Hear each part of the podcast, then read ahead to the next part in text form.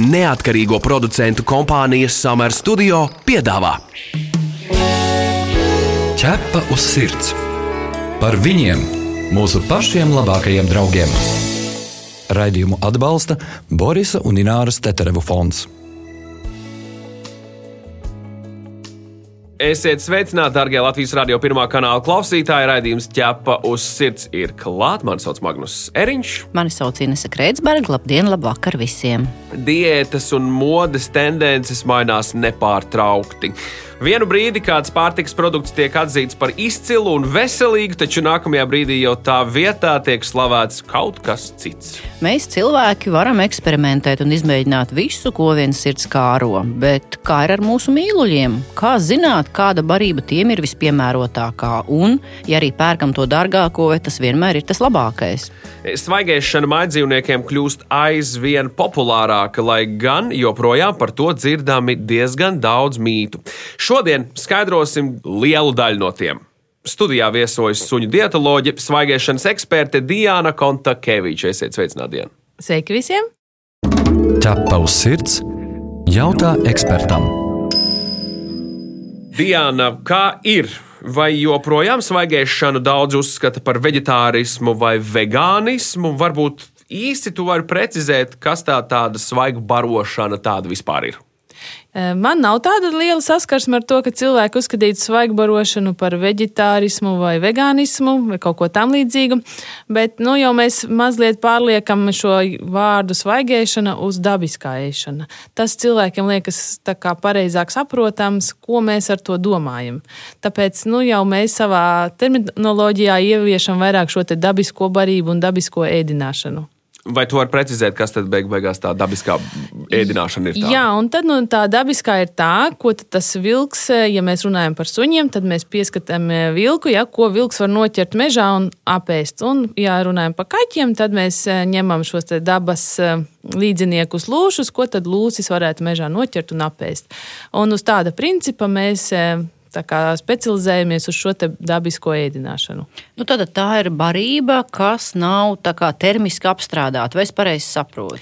Ja tās ir olas, tad tās ir svaigas olas, tās nav vārītas vai ceptas. Attiecīgi arī gaļa tā ir svaiga, tā nav termiski apstrādāta. Vai runa vēl par kādiem pārtiks produktiem, kurus mēs liekam tajā barības traukā sunim un kaķim? Eh, ja mēs paskatāmies uz kaķi, kaķis var no, noķert mm, dārzā tur pelīti vai putniņu, un tad bez tās gaļas, ko satur šis dzīvnieciņš, viņš satur arī mazliet kauliņus, mazliet orgāniņus, un arī mazliet tur ir āda, Ja, tā tad šķiedra viela, un tad mazliet tur ir arī kuģa saturs šai pelē un putniņam. Un tad tas kaķis apēdot veselu dzīvnieku dabūna šo te kuģa saturu. Un kas ir kuģa satura atkarībā no dzīvnieka? Nu, parasti tie ir kaut kādi vai no graudiņi vai, vai zaļumiņi, ja, atkarībā no tā dzīvnieka arī. Suns, ja skatāmies uz vilku, vilks var noķert zaķi, un zaķis tad, ko viņš grauza, nu ne jau burkānus, bet viņš grauza burkānu lakstus. Nu, pieņemsim. Tad, tad zaļos eh, garšaugus kaut kādus. Nu, tad um, dabīgā barība būtu gaļa, kauli, orgāni un kaut kādi mazliet zaļumiņi vai graudiņi vai, vai sēkliņas, kaut kas tāds. Nu, bet par tām olām tad olas eh, dodam vai nedodam suņiem, kaķiem? Noteikti dodam, bet eh, pietiekami mazā daudzumā arī tas pats vilks vai lūsis, viņš vārtās olas olas mežā atrast no putniem, bet viņas pārsvarā ir pavasara periodā, ja kad tiek dēti mazuļi, un pēc tam jau viņš vairs viņas nedabūna, pat ja viņš ļoti grib. Tā nav vairs svaigēšana, bet. Mēs viņu saucam par dabīgā barošanu. Lūk, par... Man ir vēl viens produkts, viens konkrēts, vai ne? Diana, kā tu skaties uz to, ka kaķi mēdz, mēdz izrādīt palielinātu interesi par avokado? Kaķītim drīkst dot avokado vai ne? Kaķītis noteikti nedrīkst ēst avokado. Kaķīši vispār mūsdienās ir ļoti interesanti. Viņi var arī mēģināt nomedīt tavu pīrādziņu no šķīvīša un vēl kaut ko. Bet nu, nu, dabā jau neviens kaķis, neviens lūsis vai, vai vienalga, kurš cits saules kaķis, tomēr avokado kokam neuzbrūk un šos te augļus ar gardu muti nēd. Bet ja jūsu kaķis sāk interesēties par šādiem, varbūt nepieciešams paskatīties, vai netrūks kāds vitamīns vai minerālviela ķepa uz sirds, suņu būda. Vai cilvēki kļūst izglītotāki nu, šajā dabiskās barošanas ziņā, un kas ir šie dzīvnieku saimnieki, kas izvēlas barot savus suņus, kaķus ar svaigo barību? Mēs varam tādu tā kā video portretu noteikt tā saimnieka. Nu, parasti tā ir, ka šo izglītotību šis saimnieks iegūst tad, kad viņam, viņš ir nonācis pie kaut kādas veselības problēmas savam mīlulim. Tad, tad tas eh, cilvēks, kas nāk meklēt šo um, dabīgo barošanu, parasti ir uh, saimnieks mīlulim, kuram jau ir izveidojušās veselības problēmas no sausās barības. Pagaid, pagaid, pagaid. Tu gribi teikt, ka pie tās svaigās barošanas saimnieki parasti nonāk nelabprātīgi, bet tāpēc, ka dzīvniekam kādas veselības problēmas ir bijušas? Tendence šobrīd tāda ir. Es ļoti priecātos, protams, ja pie svaigās barības nonāktu kucēnu saimnieki, ja, kuri ir zinoši par to, ka šī barība ir labāka, veselīgāka viņu dzīvniekiem, bet, nu, diemžēl, ērtību mēs mīlam vairāk nekā veselību. Un tad, kad veselības problēmas mūs jau iedragā tik tālu, ka mēs vairs nespējam viņas kontrolēt, tad mēs atgriežamies pie dabiskās barošanas, jo tas jau sanāk kā, nu, pēdējais variants, lai šo dzīvnieku uzturētu veselu un, un laimīgu. Kas tās ir par problēmām veselībai, nu, kuru dēļ tie saimnieki meklē citu risinājumu? Nu, pirmā un galvenā problēma ir alerģijas. Ja tās ir pamatā, pēc tam mums nāk visādas urīnceļu problēmas, un trešās būtu visādas caurējas, gremošanas problēmas ar atrīšanu un, un, un, jā, un šīm regulārajām caurējām, diemžēl. Tas, ka šī dabiskā barošana kļūst ar vien populārāka pasaulē, liecina arī fakts, ka tev bija nu pat um, diskusija vai, vai sadarbība ar, ar kādu ārstu, kurš ilgstoši specializējas šajā svaigās barošanas uh, jomā. Varbūt tu vari pastāstīt sīkāk. Jā, mēs ļoti priecājamies, ka Latviju apmeklēja profesors un zinātnieks veterināra medicīnā Niks Tomsons no Anglijas. Un tad eh, gan man, gan ļoti daudz eh, vetārstiem bija iespēja uzklausīt un tikt pie sarunas ar šo vetārstu, kurš gan eh, zinātniski pēta šo jautājumu, gan arī, protams, pats praktizē ar klientiem Anglijā, uzlabojot veselību suņiem, mainot barošanas veidu. Nu, varbūt kas ir tas lielākais atklājums, ko tu saprati, komunicējot ar viņu, jo tomēr nu, tā, tā ir Anglijas pieredze arī daudzu gadu garumā, varbūt ilgāk nekā mēs ar to nodarbojamies, vai tā pieredze bijusi, kas varbūt tev bija tas lielākais atklājums? Man ļoti patika veids, kā Niks skaidroja mums par tiem minerāliem un vitamīniem, ja ka ko dara šie sausās barības ražotāji. Viņi nu, pieliek klāt mākslīgi vitamīnus un minerālu vielas, bet, ja mēs barojam dabiski, tad gan tā gaļa, gan orgāni, gan kauli, satur jau dabiski vitamīnus un minerālu vielas, kas nāk no dabas. Un kā tas nāk, ja piemēram, suns ēd jēru, tad jērs ēd zāli. Un ko tad ēd zāli? Zāle aug no šiem vitamīniem un minerāliem. Un tā nokļūstot vienā organismā, pēc tam otrā un tad trešajā, tas ķēdes posmu izējot šie minerāli un vitamīni bagātojās, attīstās, un mēs saņemam to gala produktu, kas ir daudz, daudz vērtīgāks nekā ņemot pat taisno šos minerālu vielas un vitamīnus, nu, neizējot ķēdes posmu.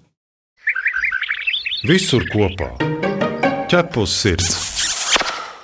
Runājot par šāda veida barošanu, ir mīts, ka, lai šādi barotu mīluli, cilvēkam ir nepieciešams ļoti daudz laika. Es runāju tieši par svaigēšanu. Un aizņemtam cilvēkam tāda nav. Tāpēc labāk aizņemt cilvēku ieberš čīvī graudiņu, kaķim vai sunim un aiziet, kā ir diena. Daļēji varu piekrist, ja jūs paši domājat eh, to barību pagatavot, tad jums jāiet uz tirgu, jāmeklē gaļa, orgāni, kauli, tas viss jārēķina procentos, un tā bļodiņā jāpasniedz jau dzīvniekam konkrēta proporcija no šiem te miksa. Bet, paldies Dievam, mums šodien jau Latvijā ļoti attīstīts tirgus ar svaigo barību, un ir iespēja tāpat kā sauso barību nopirkt gatavu svaigo barību. Un viss, kas jums ir vajadzīgs, izņemt pusstundu ātrāk no saldētavas, iebērt eh, trauciņā un atsaldēt. Un eh, suns ēd svaigu gaļu, kas ir bijusi iepriekš sasaldēta, bet jau pagatavota proporcionāli tā, kā viņam nepieciešams dabiskai barošanai. Un šādā veidā jau var sagatavot pa porcijām, lai baigi daudz nav jādomā, vai ne?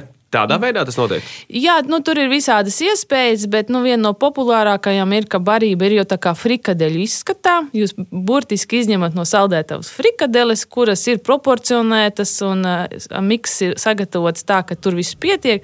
Šīs frikadelītes vienkārši atkausējat un, un pasniedzat. Un katru dienu jūs varat izņemt tik frikadeles, cik jums ir vajadzīgs. Bet, nu, runājot piemēram ar tiem suņu saimniekiem, kuri ceļo kopā ar suni, viesnīcas, jahtas, nu, tu, tur taču arī ērtāk graudiņus iebērt. Nu, es nezinu, vai tad frikadeli somiņā nesās uz jahtas. Nu, tad ko darīt? Vai var, piemēram, barot suni dažas reizes nedēļā ar to sauso barību, bet dažas dienas ar svaigo, ja tad tam nav jēga vairāk tai sistēmai? Labāk, protams, nemiksēt, eh, bet ceļošana vairs nav mums liela problēma, jo jebkurā gala punktā nu jau var nopirkt šo svaigo barību. Varbūt tam saimniekam iepriekš vajag pameklēt, paskatīties, kur viņam jāpiestāj vai kur jāpasūta. Un arī e, barība nav tā, ka, ja jūs viņu ieliksiet e, normālā termosomā un termosomu čemodānā, jūs varat viņu diezgan ilgi vizināt līdzi un tad gala punktā ielikt saldētavā vai leduskapī. Nu, arī mašīnām pieejamas e, saldējamās kastes, kuras var pieslēgt mašīnai un to barību ielikt iekšā ceļojuma laikā. Un, ja nu galīgi visi šie varianti neder, ir tāds eh, iespēja, ka šo gaļu liofilizē. Tas nozīmē, ka viņa sasaldē ļoti straujā temperatūrā un ar speciālu kā eh, sūkni izsūcina mitrumu, viņa paliek tāda līdzīgs sausai, bet, bet savādāka tekstūra un konsistence. Viņa nav termiski apstrādāta, šī šķiedra, kas paliek pāri. Un tad šo barību jūs varat ņemt līdzi, apliet ar ūdeni un pacienāt uz jahtas, ja, ja ir tāda vajadzība. Vienīgais, protams, šī liofilizācija ir dārgs process, un šis ceļojums būs mazliet dārgāks tādā gadījumā, bet iespēja ir. Ja tavs sirds skaidro faktus ja jau tu sāk runāt par dārdzību, tiek uzskatīts, ka svaigēšana ir arī krietni dārgāka par komercbarības izvēlēm, kā ir patiesībā Diana. Nu, patiesībā tā nav. Jo, ja mēs padomājam par sauso barību, tad, lai izveidotu sauso barību, tiek darbināta ļoti liela fabrika. Tā, no sākumā no kaut kurienes tiek dabūta gaļa, kura tiek vairākas reizes karsēta, miksēta, vēlreiz lipināta kopā graudiņos, pakot un tā tālāk. Nu, šis ir ļoti garš ķēdes posms, un viņš vienkārši nevar būt lēts, ja īpaši ja sastāvdaļas ir labas. Svaigo barību viņai nav šī ķēdes posma. Ir, kautuve, ja, jeb gaļas iegūšanas vieta, tad ir eh, vienkārši maļamā mašīna vai miksēšanas vieta, un rezultātā iepakošanas un sasaldēšanas vieta. Viss tur tiek nodarbināti daudz mazāk cilvēki, daudz mazāk eh, mašīnas, un eh, līdz ar to tā cena viņām ir nu, burtiski vienāda. Jā, bet um, nu, vai tu saproti, ka ļoti daudziem cilvēkiem tas, ko tu stāsti, izklausās kosmoss. Viņi, piemēram, sēž savā lauku mājā, viņiem ir vairāki suņi. Viņi saka, nu jā, nu tas jau tur var būt Rīgā kundziņi, tur tā var tos suņus tagad tur, tur kaut ko izsūknēt, jā, paņemt līdzi, atsaldēt. Mans suns visu mūžu ēdis tur, piemēram, to pašu, ko mēs ēdam, un, un viss ir labi bijis, un tās pašas putras dod. Kā tu komentētu varbūt šo saimnieku dienas režīmu un, un diētu sunim? Nu, laukos ir pat vieglāk nekā mums Rīgā, jo kautuves, eh, kas kauj dzīvniekus un kur var dabūt gaļu pat lētāk, vairāk atrodas laukos nekā Rīgā. Līdz ar to sadarbojoties šīm kautuvēm, var dabūt produktus daudz lētāk. Varbūt viņiem pašiem vajag pagriezt, pamalt, kaut ko eh, iedot tā vai šā, bet eh, tīri iegūšanas ziņā varētu būt pat vienkāršāk.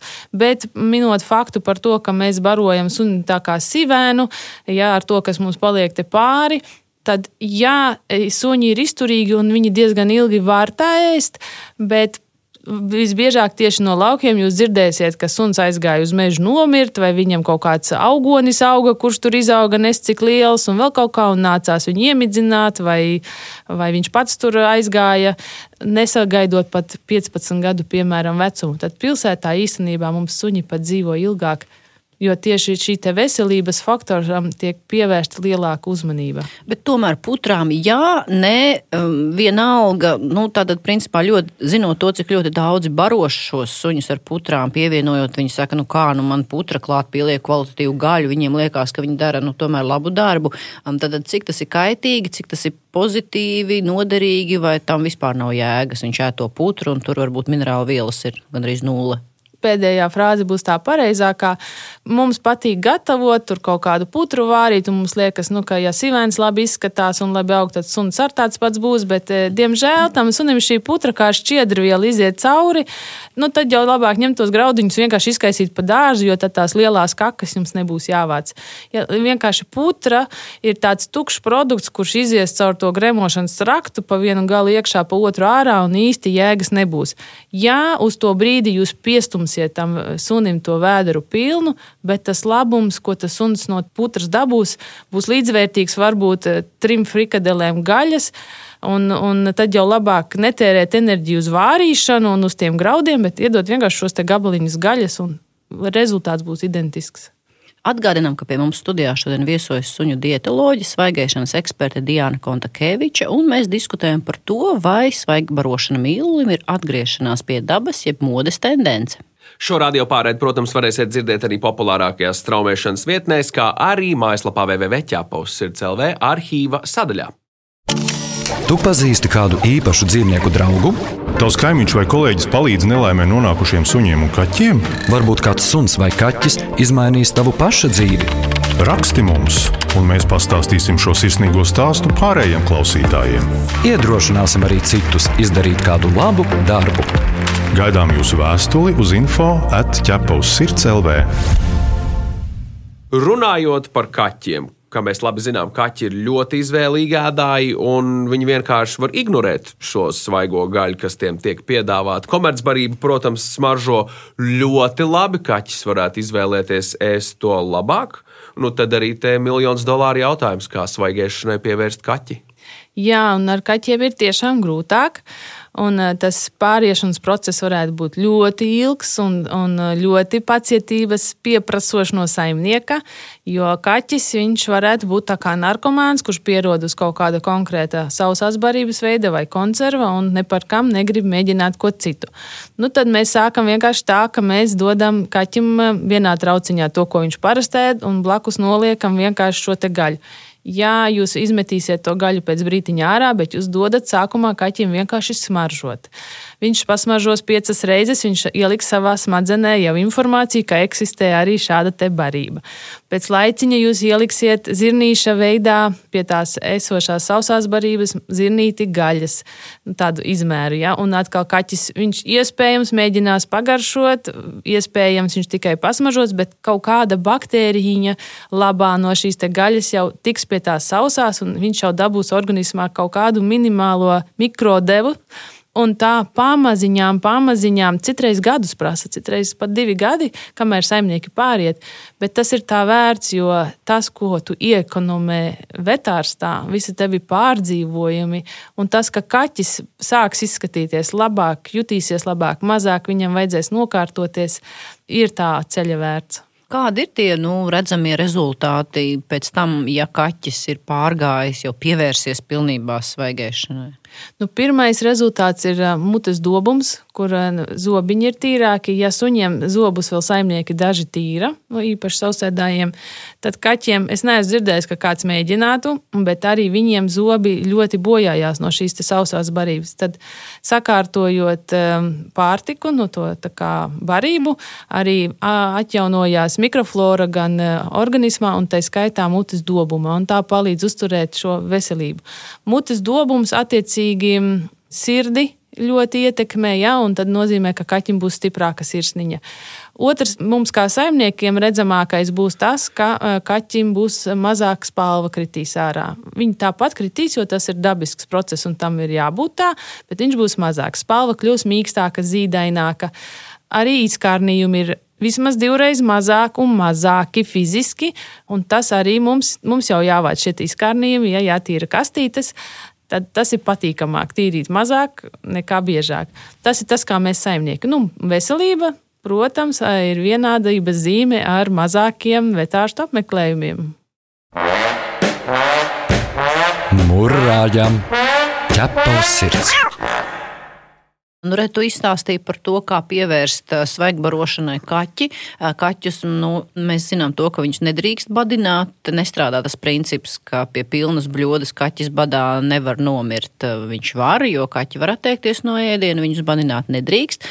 Bet suņus tātad tai svaigbarošanai var pievērst uzreiz. Jā, ar suņiem ir vieglāk. Nu, protams, atkarībā no tā, cik tam sunim kā tas organisms ir strādā šobrīd, ja vai viņš ir pieradis pie vārīta vai, vai cepta produkta un tā tālāk, bet ar viņiem ir daudz vieglāk. Jā, citiem vajag mēnesi, pārējiem citam vajag četras dienas, citam pietiek ar vienu dienu. Manā pieredzē ļoti bieži sunim piedāvājot svaigo barību, viņš pats automātiski atsakās no sausās runājot par svaigu gaļu, skatoties uz priekšu, domājot uh, par saimniekiem, kas domā pāriet uz svaigaišanu, vai tomēr nē. Kas ir tā bīstamākā sastāvdaļa, Diana, kas parasti ir komercbarībās? Varbūt šādā veidā mēs varam pievērst uzmanību, padomāt par iespēju pāriet svaigaišanas virzienā. Nu, visbīstamākais ir tas, ar ko tiek salapināts uh, graudiņš. Ja? Ja, lai pagatavotu sauso barību, graudiņu vajag salipināt. Un, lai viņu salipinātu, tiek izmantota ciete, liksim, vienādības zīme, cukurs. Nu, un tad, krājoties e, organismā šiem cietiem cukuram, veidojas veselības problēmas. Un vēl jāatcerās, ka cukurs tas e, vienmēr izsauc insulīna ražošanu organismam. Un pie katras ēšanas reizes insulīns lec uz augšu katrā organismā. Un ir dzīvnieki, kas ilgāku periodu to var izturēt, viņa organisms ir spējīgs e, strādāt ar šo te, ir, ir organismi, kas ātrāk sabrūk. Un, nu, tā ir tā bīstamākā viela sausajā barībā. Paga, paga, vai tas arī nozīmē to, ka tuklums suņu un kaķu vidū tomēr vairāk ir nu, izskaidrojums, um, ja viņi ēd šo komercbarību? Vai, vai mēs no tā varam secināt, ka mm, svaigādāju vidū ir mazāk tuklīšu? Es pat teiktu, ka īpaši neesmu redzējis, ka būtu kāds kaķis ar lieko svaru, kas ir svaigādājis. Vēl runājot par komercbarību, kas bez lipekļa, bez cukuru vai ne, kas, kas tur vēl ir iekšā tāds, kas var radīt alerģijas un veselības problēmas mūsu mīļajiem? Nu, lai barība būtu lēta, kā jau minēju iepriekš, tas iziet ļoti garu procesu no gaļas līdz uh, sausās barības graudiņam. Un, uh, tur liek klāt arī taukus ja, un eļļas visādas. Un sadegšanas procesā, tad, kad barība cepj, veidojas ļoti daudz toksiskas vielas. Un, nu, un, protams, arī šī pati kukurūza, kas ir populārākā sastāvdaļa barībās, arī kad viņu cepj, viņa izdala četras toksiskas vielas, kas pēc tam pamaziņām indē mūsu dzīvnieku organismus. Paga, bet vai tā kukurūza nav tas trakākais moments, kas rada to lieko svaru? Kukurūza ir tā, kas dod to cieti, un viņā ir visvairāk Un viņa arī ir tā, kas ne tikai dod cieti, bet dod arī šīs toksiskās vielas. Tā kā mēs varētu teikt, ka kukurūza ir briesmīgs eh, produkts. Bet, nu, protams, mūsu mājdzīvniekiem. Mūsu mājdzīvniekiem, jā. Bet, protams, arī, ja mēs nomainīsim kukurūzu uz kartupeļiem, arī kartupeļos ir šī ciete un arī kartupeļu bāzēta sausā barība arī būs slikta mūsu organismam tieši dēļ šīs cietes. Ķerpa uz sirds, diskutē svaigā barība. Tagad runāsim par to, bet svaigs nevienmēr nozīmē kvalitatīvs. Tāpat gaļa ar antibiotikām un tā tālāk. No savas pieredzes var teikt, to, ka mans kaķis izvēlas tikai vienu konkrētu ražotāju vistu Latvijā. Veikalā iegādājumu var pirkt citas sveramās, citos iepakojumos, no citurienes viņš nēdīs apošņās un pateiks, nepaldies, man vajag tikai šito. Kas tur notiek? Kāpēc viņi tā dara? Jā, tā tas var būt. Un runājot par kvalitāti, paskaidrošu par šīm antibiotikām, kā Šobrīd e, Eiropas Savienībā, kopš mēs esam, mums ir ārkārtīgi stingri noteikumi kautuvēs, audzētavās un tā tālāk. Un, lai gaļa nonāktu e, tirgū, vispār, lai, nu, respektīvi, veikalos, e, tad viņa tiek ļoti pārbaudīta vairākas reizes. Ticiet man, tā pārbauda piekaušanas un vēl ekstra analīzes tiek veiktas arī veikalos ļoti bieži. Un, Antibiotikas ir viena no tām lietām, ar kurām netiek šī gaļa izlaista uz tirgu. Šī gaļa, diemžēl, tiek utilizēta, bet kur viņa tiek utilizēta? Sausajā barībā visbiežāk viņa aiziet. Tas atkal ir ķēdes posms. Viņi iet uz uh, biogāzes rūpnīcām, kur ražo gāzi, izveidojās pulveris, un pulveri tālāk eksportē uz suņu barību vai kaķu barību ražošanu. Un tā arī ir tā lieta. Bet svaigajā, ko jūs nopērkat, nevajadzētu būt antibiotikām. Ja jūs to nepērkat no kaut kādām rokām, caur rokām, nezināma izcelsme, nezināmi cilvēki, bet pērkat tiešām no ražotāja vai, vai oficiāla pārdevēja par to, ka kaķis ēd vienas konkrētas firmas vistu un citas konkrētas nē, arī mēs varam komentēt tā, ka mēs nezinām, ar ko šī konkrētā vista tika barota un ar ko barotie pārējie. Varbūt tam kaķim tieši patīk, ka tā vista ēda miežu graudiņus, nu, pieņemsim, bet tās pārējās kukurūzas graudiņus vai, vai kaut ko citu. Un tas kaķis jau jūt, ar ko šī vistiņa tika barota un kas viņa organismā prasās no konkrētā produkta. Tāpēc um, arī suns tā varētu darīt, ka vienu lielopu gaļu viņš ēd un otru nē. Un varbūt, ka vienas govs tika ganītas pie meža un sēdās kaut kādu tādu zāli, kas deva tai gaļai specifisku garšu vai smaržu, bet cita govs ēda korbikomu vai vēl kaut ko, kas atkal kaut ko citu deva. Un mēs jau, kad saņemam gaļu, mēs nezinām, ko tas lops ir ēdis. Tāpēc šādi gadījumi varētu būt, ka kaķis vienu ēd un otru nē. Magnus, tev varētu būt mājas darbs. Tu varētu sazvanīt konkrētās mm, gaļas ražotājiem, pajautāt, ar ko viņi baro konkrēto vistu. Skaidra lieta, skaidra lieta. Sveicināti! Es gribēju jums aprunāties. Mans kaķis ir iecienījis jūsu gaļu. Es gribēju saprast, ko jūs tur liekat iekšā. Es arī varu ēst.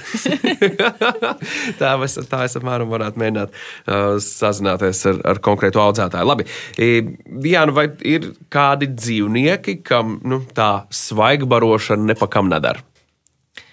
Ļoti maz tādu ir. Es teiktu, ka ir, bet ir starpība tajā, kā mēs to barību gribam iedot, vai mēs tiešām pielāgojam konkrētajam organismam, jo svaigo barību ļoti viegli pielāgot un vajag izpētīt dzīvnieciņu. Ja viņš vienkārši apēdot aknas gabalu, viņam ir vēdergraizes, nu, tad neder šis aknas gabals jūsu sunītim. Bet tas nenozīmē, ka gaļa viņam neder.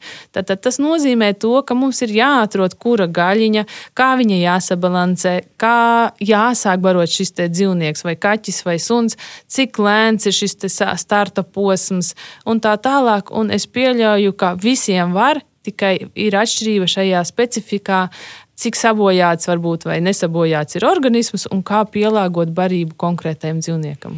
Nu, es domāju, ka daži vetārsti varētu oponēt um, tev ar to, ka daudziem dzīvniekiem nederētu svaigbarošana kaut vai no tā iemesla, ka, ja piemēram tie ļoti gados veci dzīvnieki, kuriem varbūt tās ir grūti jau to sistēmu mainīt, varbūt tie ir nu, nezinu, nieru, nieru mazspējas gadījumos vai kādu hronisku slimību gadījumos, kad varbūt tā? Nav gluži tā, veci dzīvnieki, viss kārtībā ar viņiem, īpaši, ja veselība uz to brīdi ir ok, tad arī diezgan viegli ir viņiem pāriet, un viņiem burtiski viņi atdzimst jaunībā, viņi kļūst aktīvāki, priecīgāki. Man liekas, tas organisms beidzot pasakā, paldies, beidzot, visu dzīvi dzīvoju tā, un tagad beidzot es varu apēst kaut ko veselīgāku. Bet, ja ir hroniskas problēmas, tad mums ir lieliski vetārsti, un tie kļūst arvien vairāk, kas specializējās jautājumos, kā pielāgot svaigo barību hronisko problēmu gadījumā, jo ļoti bieži tieši hroniskās problēmas atved šos klientus pie mums. Ja tas vetārsts ir bijis spēcīgs eh, un eh, pārliecināts par svaigo barību un zinošs tajā, viņš labprāt iesaka, jo, piemēram, nieru problēmu gadījumos ir specifiskāka barība vai aizkuņģa dziedzera gadījumā arī mēs specializējamies barībā, kā viņu pielāgot, lai šis dzīvnieks pat tiktu vaļā vai atvieglot šo kronisko problēmu viņam. Nu, ko mēs varam secināt īstenībā to, ka ēdienas ārstē, barība ārstē, un ka īstenībā arī pie svaigbarošanas saimnieki bieži nonāk, ja mīlulim ir kādas veselības problēmas. Bet man ienāca prātā tas, ka mēs cilvēki bieži tās minerālu vielas vai vitamīnus uzņemam tablešu veidā, nevis ēdiena veidā, kas īstenībā nedara ar suņiem un kaķiem. Tad, tad kā mums mācīties no viņiem, vai, vai suņiem un kaķiem mācīties no mums, tā var būt tā lielākā atšķirība, ka mēs redz uzreiz ņemam tabletes un, un lietojam, bet suņiem kaķiem īsti tas, tas nedara. Viņiem jāuzņem ir šī, šīs minerālu vielas ar barību. Dabiskā veidā. Dabiskā veidā. Uh, Diana, paldies liels, ka varēja atrast laiku un arī šajā reizē viesojies pie mums raidījumā ķēpa uz sirds. Varbūt ātri kādu svaigēšanas receptītu uz atvadām mūsu klausītājiem. Klausītājiem vai viņu mīluļiem? Varbūt Klausītājiem un viņu mīluļiem. Varbūt, varbūt ka, nu, kāds starteriņš jau neaizies pa ļaunu. Ne? Receptīti es tā neteikšu, bet man ļoti patīk frāze, ko izmantoja Niks Tomsons. Viņš arī teica, ka "Nu, tā arī ir. Mēs esam tas, ko mēs ēdam. Un tad arī tie dzīvnieki ir tas, ko viņi ēd. Un, ja mēs redzam laimīgu, skaistu, spīdīgu, apmierinātu dzīvnieku, nu, tad viss kārtībā. Viņš ir tas, ko viņš ēd. Un arī mēs tāpat. Un labāk mums apēst zivtiņu un, un oliņu, nekā apēst D vitamīnu tableti. Varbūt tā. Perfekti, mīļš, paldies vēlreiz Diana, līdz nākamajai reizei. Paldies jums! Tu esi mans draugs, ķepus sirds. Atgādinām, ka ķepus sirds TV raidījumam varat sekot līdzi katru sestdienu, pulksten 11.15 un atkārtojumā svētdienās LTV1. Mēs arī gaidām jūsu jautājumus, ierosinājumus, idejas, sižetiem. Rakstiet mums info atķeposirds.lv. Bet šajā raidījumā tas ir arī viss. Mani sauc Inese Kreitsberga. Mani sauc Magnus Eriņš. Raidījumu veidoja neatkarīgo producentu kompānija Summer Studio. Visu labu! Atā! Ķepa uz sirds! Informatīvi izglītojoši raidījums par dzīvnieku pasauli un cilvēkiem tajā. Raidījumu atbalsta Borisa un Ināras Teterevu fonds.